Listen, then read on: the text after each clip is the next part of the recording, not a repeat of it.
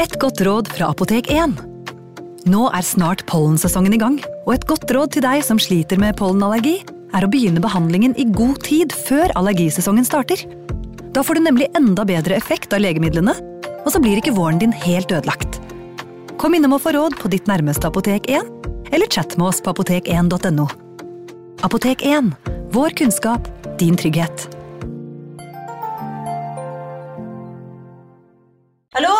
Jeg kommer fra Oslo politikammer. Ine Jansen er purk. Er du purk? The motherfucking bitch. Alt jeg vil, er å finne ut hva som skjedde med mannen min. Jon Carew. Er jeg sikta for noe? Iben Akeli. Det er du.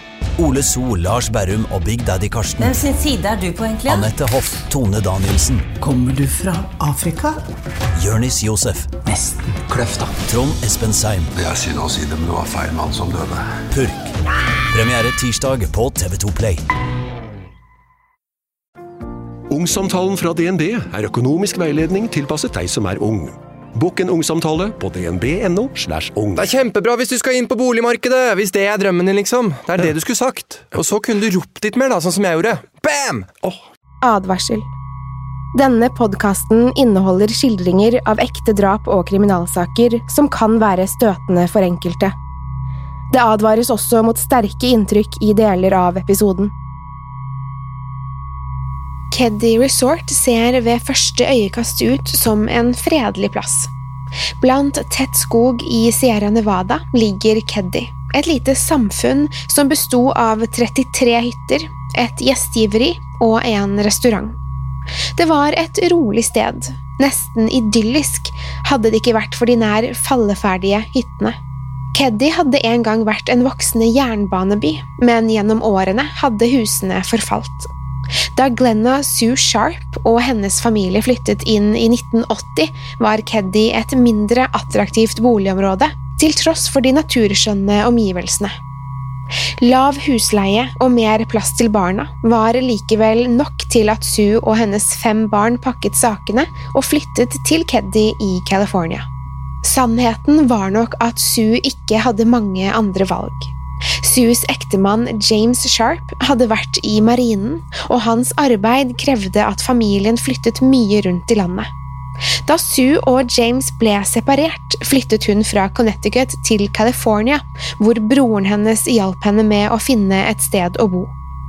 Sue og barna bodde en periode på en campingplass i Quincy, noen mil unna, før de til slutt fant sitt nye hjem i Keddy.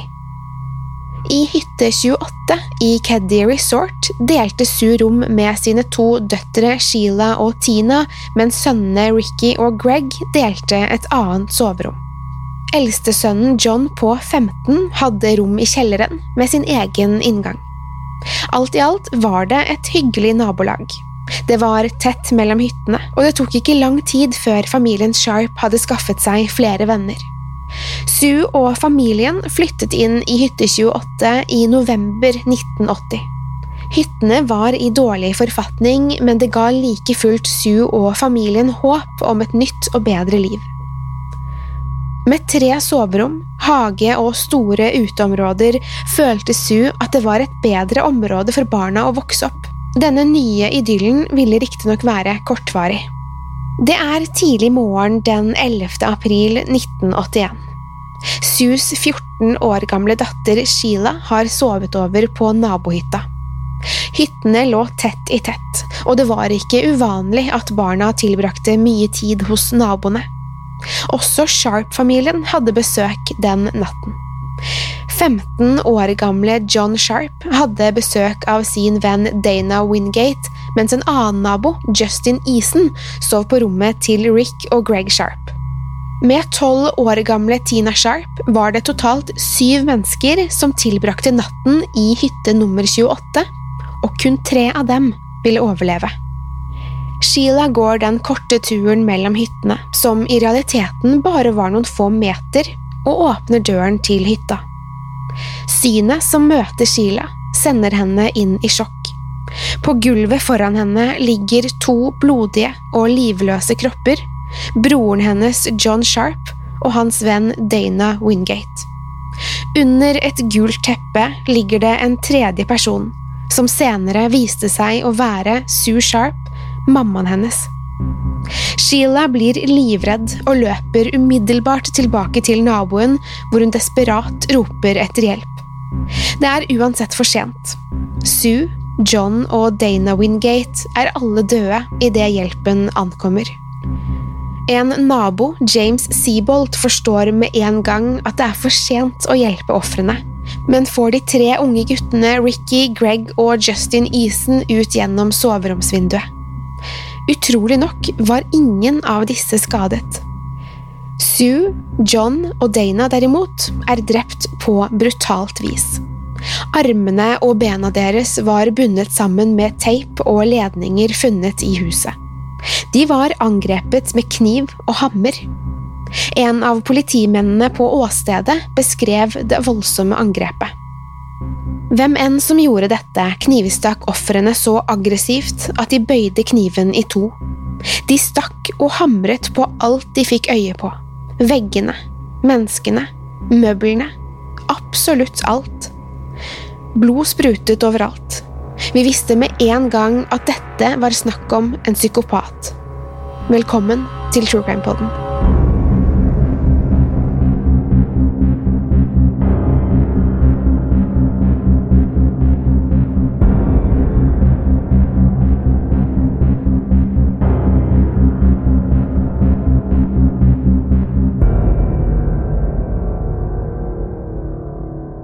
Sue Sharp hadde på seg en badekåpe da hun ble funnet. Undertøyet hennes hadde blitt fjernet og stappet inn i munnen for å dempe ropen hennes. Hun hadde flere knivskader i brystet, og strupen var kuttet over. I tillegg hadde hun merker etter slag mot hodet. Skadene tydet på at hun hadde kjempet imot. John Sharps strupe var også kuttet, og også han var påført stygge kutt og slagskader. Dana var tilsynelatende kvalt til døde. Alle var blitt påført stygge hodeskader fra kraftige slag med hammer.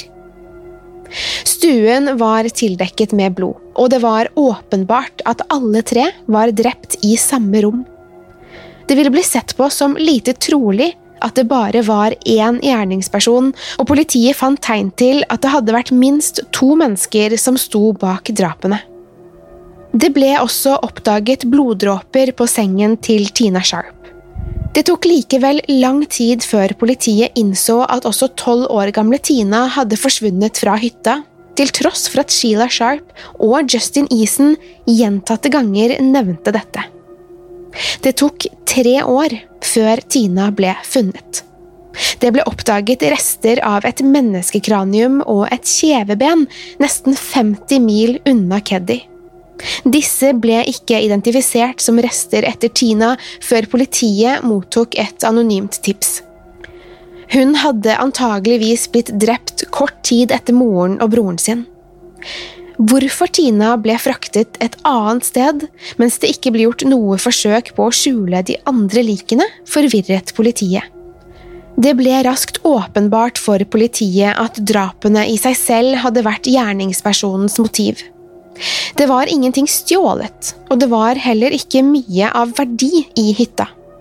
Det var ingen tegn til at gjerningsmennene hadde brutt seg inn, og det ble derfor antatt at Sue hadde sluppet dem inn. De mistenkte at gjerningspersonen, eller personene, hadde entret Sue Sharps hjem med en hensikt om å drepe, for sin egen nytelse eller glede. Politiet jobbet med flere teorier da de etterforsket saken.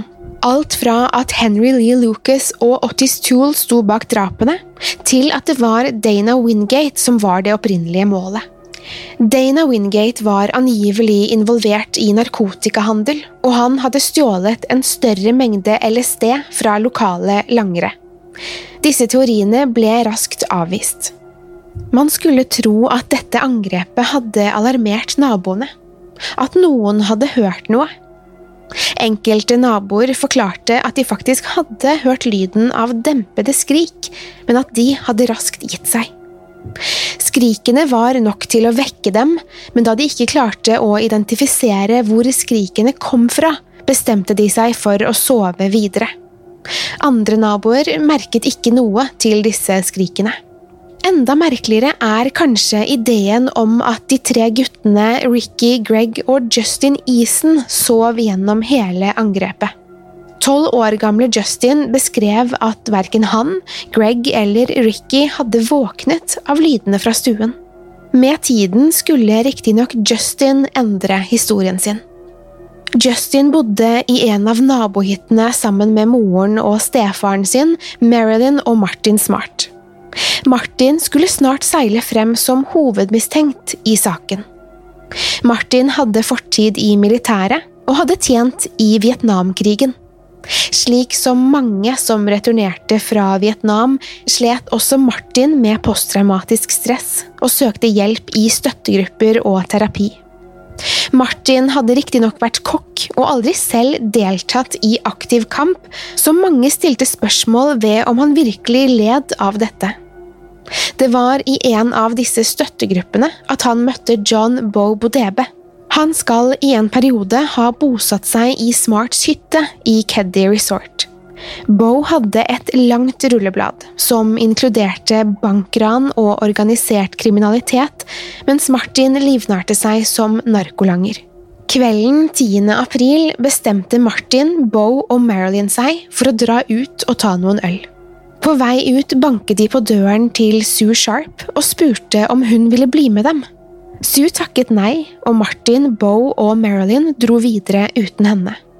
Martin skal ha blitt provosert av musikken de spilte på baren der han tidligere hadde vært ansatt som kokk. Han forsøker å klage, men blir til slutt så irritert at han returnerer til hytta med Marilyn. De ser litt på TV og legger seg etter hvert til å sove. Men Martin får ikke sove. Han er fremdeles så oppildet over musikken at han ringer til baren for å klage igjen. Martin og Bo drar så tilbake til baren for å drikke videre.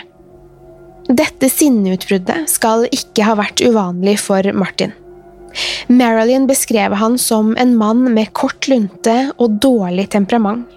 Hun beskrev blant annet en episode der Martin havnet i en krangel med faren sin. Istedenfor å be om unnskyldning eller roe situasjonen, skal Martin ha dratt ut for å kjøpe ingredienser for å lage en bombe. Formålet med denne bomben skal ha vært å sprenge farens hus. Martin skal også ha vært voldelig mot Marilyn, og ekteskapet deres var i ferd med å rakne. Marilyn var redd for Martin, som angivelig skal ha prøvd å kjøre på henne med bil og truet henne med kniv. Visstnok skal Sue Sharp ha rådet Marilyn til å forlate ham. Sue snakket nok av egen erfaring, da også hun hadde opplevd vold og misbruk fra sin eksmann. Marilyn kommer med flere uttalelser til politiet som styrker deres mistanke mot Martin. Hun fortalte at hun hadde våknet klokken to om natten og oppdaget Martin mens han forsøkte å brenne noe i vedovnen. Marilyn fortalte også at Martin hatet John Sharp, også dette var med på å danne et drapsmotiv for politiet. Martin fortalte selv politiet at en av hammerne hans var blitt stjålet. En etterforsker beskrev at det virket som om Martin Smart bevisst forsøkte å villede dem.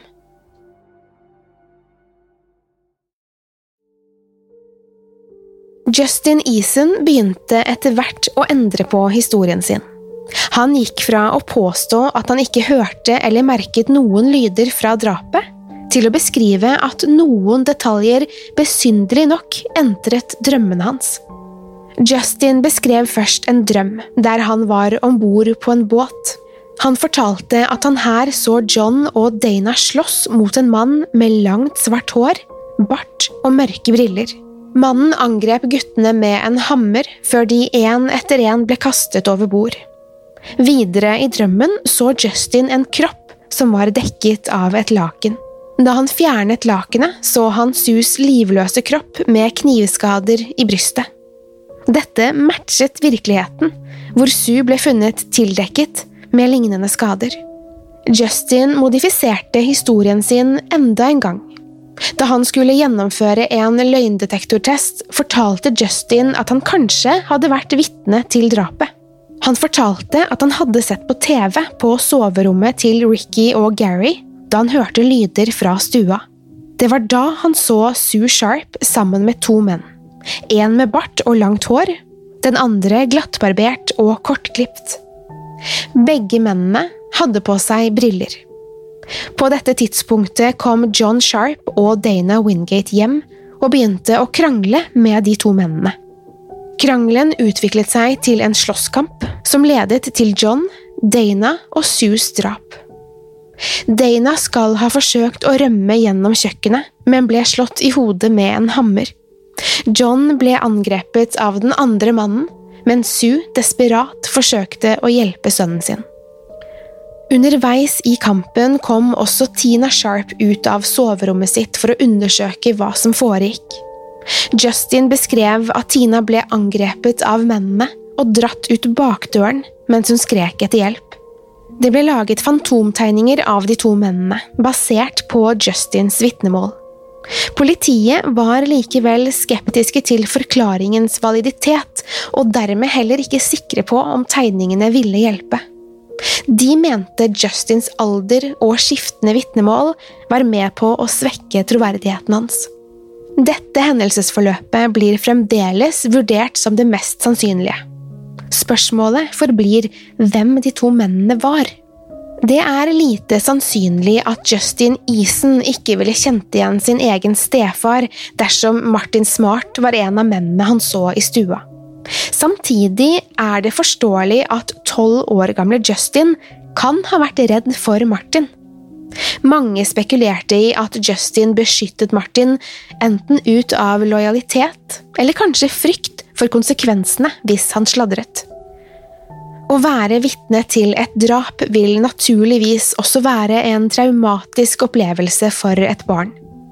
Kanskje forsøkte Justin å stenge de brutale detaljene han ble vitne til ute av hodet, og gikk inn i en dyp fornektelse. Kanskje ble Justins unge sinn bare påvirket av de dramatiske omstendighetene, og at han selv begynte å slite med å skille mellom fantasi og virkelighet. En av de mest populære teoriene rundt drapet var at Martin Smart ville drepe Sue Sharp fordi hun forsøkte å overtale Marilyn til å forlate ham. Dette skal ha gjort Martin rasende. Istedenfor å forsøke å forbedre seg selv eller jobbe med temperamentet, kontaktet han Bobo DB for å få hjelp til å drepe Sue. Andre steder nevnes det at Martin og Sue kan ha hatt en affære og at Sue ønsket at han skulle forlate Marilyn for henne. Utfallet av denne teorien er det samme, altså at han allierer seg med Bo for å drepe Sue Sharp. Martin Smart inkriminerte også seg selv. I et intervju med politiet nevnte han at han trodde Justin kanskje hadde sett noe av drapet, og la til uten at jeg la merke til det. Kanskje var dette bare et dårlig ordvalg, men det virker her som Martin plasserer seg selv på åstedet. Med tanke på den frenetiske situasjonen som Justin beskrev, ville det ikke vært usannsynlig at gjerningsmennene ikke ville lagt merke til ham i kampens hete. Kort tid etter drapene skal Martin ha sendt et brev til Marilyn. Brevet er kanskje en av de mest åpenbare bevisene mot ham.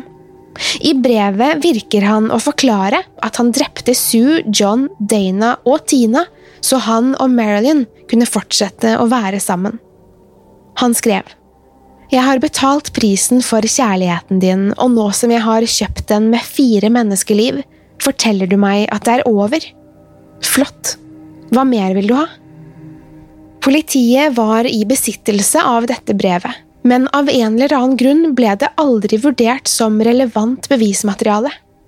Det ble presentert for Marilyn, som kunne bekrefte at det lignet på Martins håndskrift. Marilyn uttalte at hun selv trodde det var Martin og Bo som hadde drept Sue Sharp. Denne teorien fikk økt kredibilitet i år 2000 etter at Martin Smart døde. I etterkant av dette sto en terapeut frem og fortalte at Martin Smart hadde innrømmet at han sto bak drapet på Sue og datteren hennes.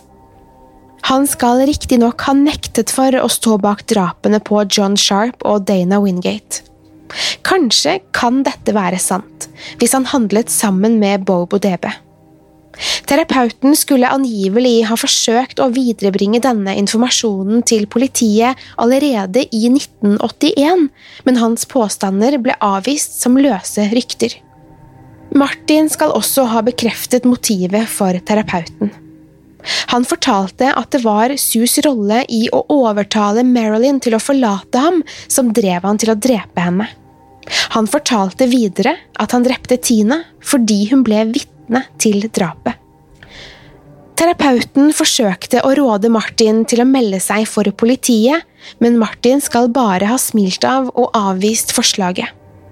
Martin fortalte også terapeuten at han ikke lykkes i å lure løgndetektortesten. I tillegg skrøt Martin av at han hadde et nært vennskap med sheriffen, Doug Thomas, som stadig uttalte at han ikke mistenkte Martin for drapene. Til tross for at bevisene pekte i retning av Martin og Bobo DB, ble de aldri siktet for drapene. Det er fortsatt usikkerhet knyttet til deres skyld. Noen av etterforskerne mener at de fremdeles fremstår som de mest aktuelle kandidatene, mens Doug Thomas fortsatte å tvile på at de var involvert. Politiet satte inn store ressurser for å løse drapet, men ville senere få enorm kritikk for sin mangelfulle etterforskning. Spørsmålet om dette var dårlig politiarbeid eller korrupsjon, ble etter hvert et svært betent tema. Mye av kritikken ble rettet mot politiets behandling av de mistenkte. Det rareste med det hele er at det ikke er noe tydelig motiv, sa Doug Thomas i 1987. Enhver sak uten et tydelig motiv er de vanskeligste å løse.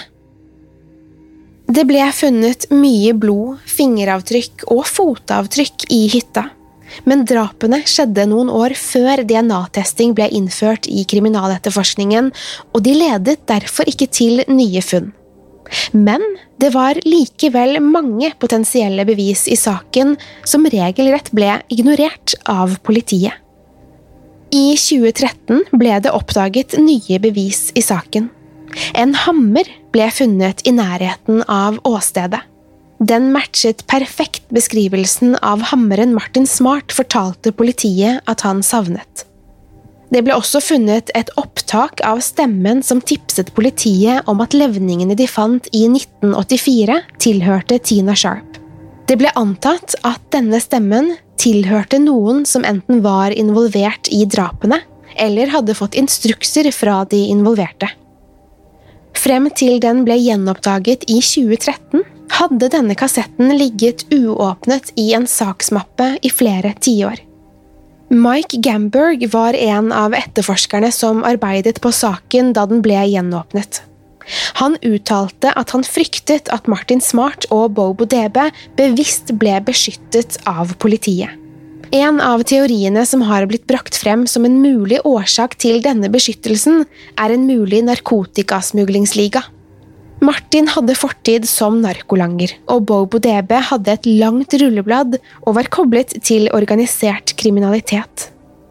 Denne teorien ble blant annet underbygget av opplysningene om at det ble sendt to spesialagenter som arbeidet med organisert kriminalitet for å assistere saken. Noen mener dette er den eneste logiske forklaringen på hvorfor Martin og Beau ikke ble siktet for drapene. Videre pekes det på utelatelsene av åpenbare bevis som tegn på at Martin og Bo ble beskyttet. Avvisningen av terapeutens vitnemål og brevet til Marilyn ble regelrett ignorert, til tross for at disse åpenbart pekte mot at Martin Smart var involvert i drapene. Til tross for at begge de to hovedmistenkte nå er døde, fortsetter politiet å jobbe med saken. Nye bevis og DNA-funn utvider stadig politiets forståelse av saken, og de jobber med teorien om at det kanskje var mer enn to gjerningsmenn. I 2018 uttalte Gamberg at de hadde funnet DNA-materiale fra en teipbit som matchet med en annen person som fremdeles er i live. Mike Gamberg kjemper fremdeles hardt for å løse saken. Han håper på å gjøre opp for det mangelfulle politiarbeidet som ble utført i 1981. Det ble i 2016 identifisert seks gjenlevende mennesker som politiet så på med interesse. Politiet mistenker at disse personene enten var involvert i drapene eller i å skjule og ødelegge bevis. Keddy-drapene forblir en uløst drapsgåte. Politiet fortsetter like fullt med å forsøke å bringe sannheten om hva som hendte, til overflaten. Da sheriff Greg Hagwood uttalte seg om saken i 2016, hadde han følgende å si. Det er flere mennesker i lokalmiljøet som vet mer enn de har innrømmet. Vi vet hvem de er, og hvor de befinner seg. Jeg er overbevist om at de enten medvirker til drapet eller har førstehåndsinformasjon om forbrytelsen. Jeg mener det er en nødvendig jakt. Det er ingen utløpsdato på drap, og med tanke på at det er overlevende søsken og familiemedlemmer, er det vår plikt til dem å forstå hvem som gjorde dette, og hvorfor. True Crime-podden er produsert av moderne media. Mitt navn er Pernille Tufte Radeid, og jeg vil takke Håkon Bråten for produksjon, lyd og musikk, og Anders Borgersen for tekst og manus. Til neste gang, pass på deg selv, og takk for at du har hørt på True Crime-podden. moderne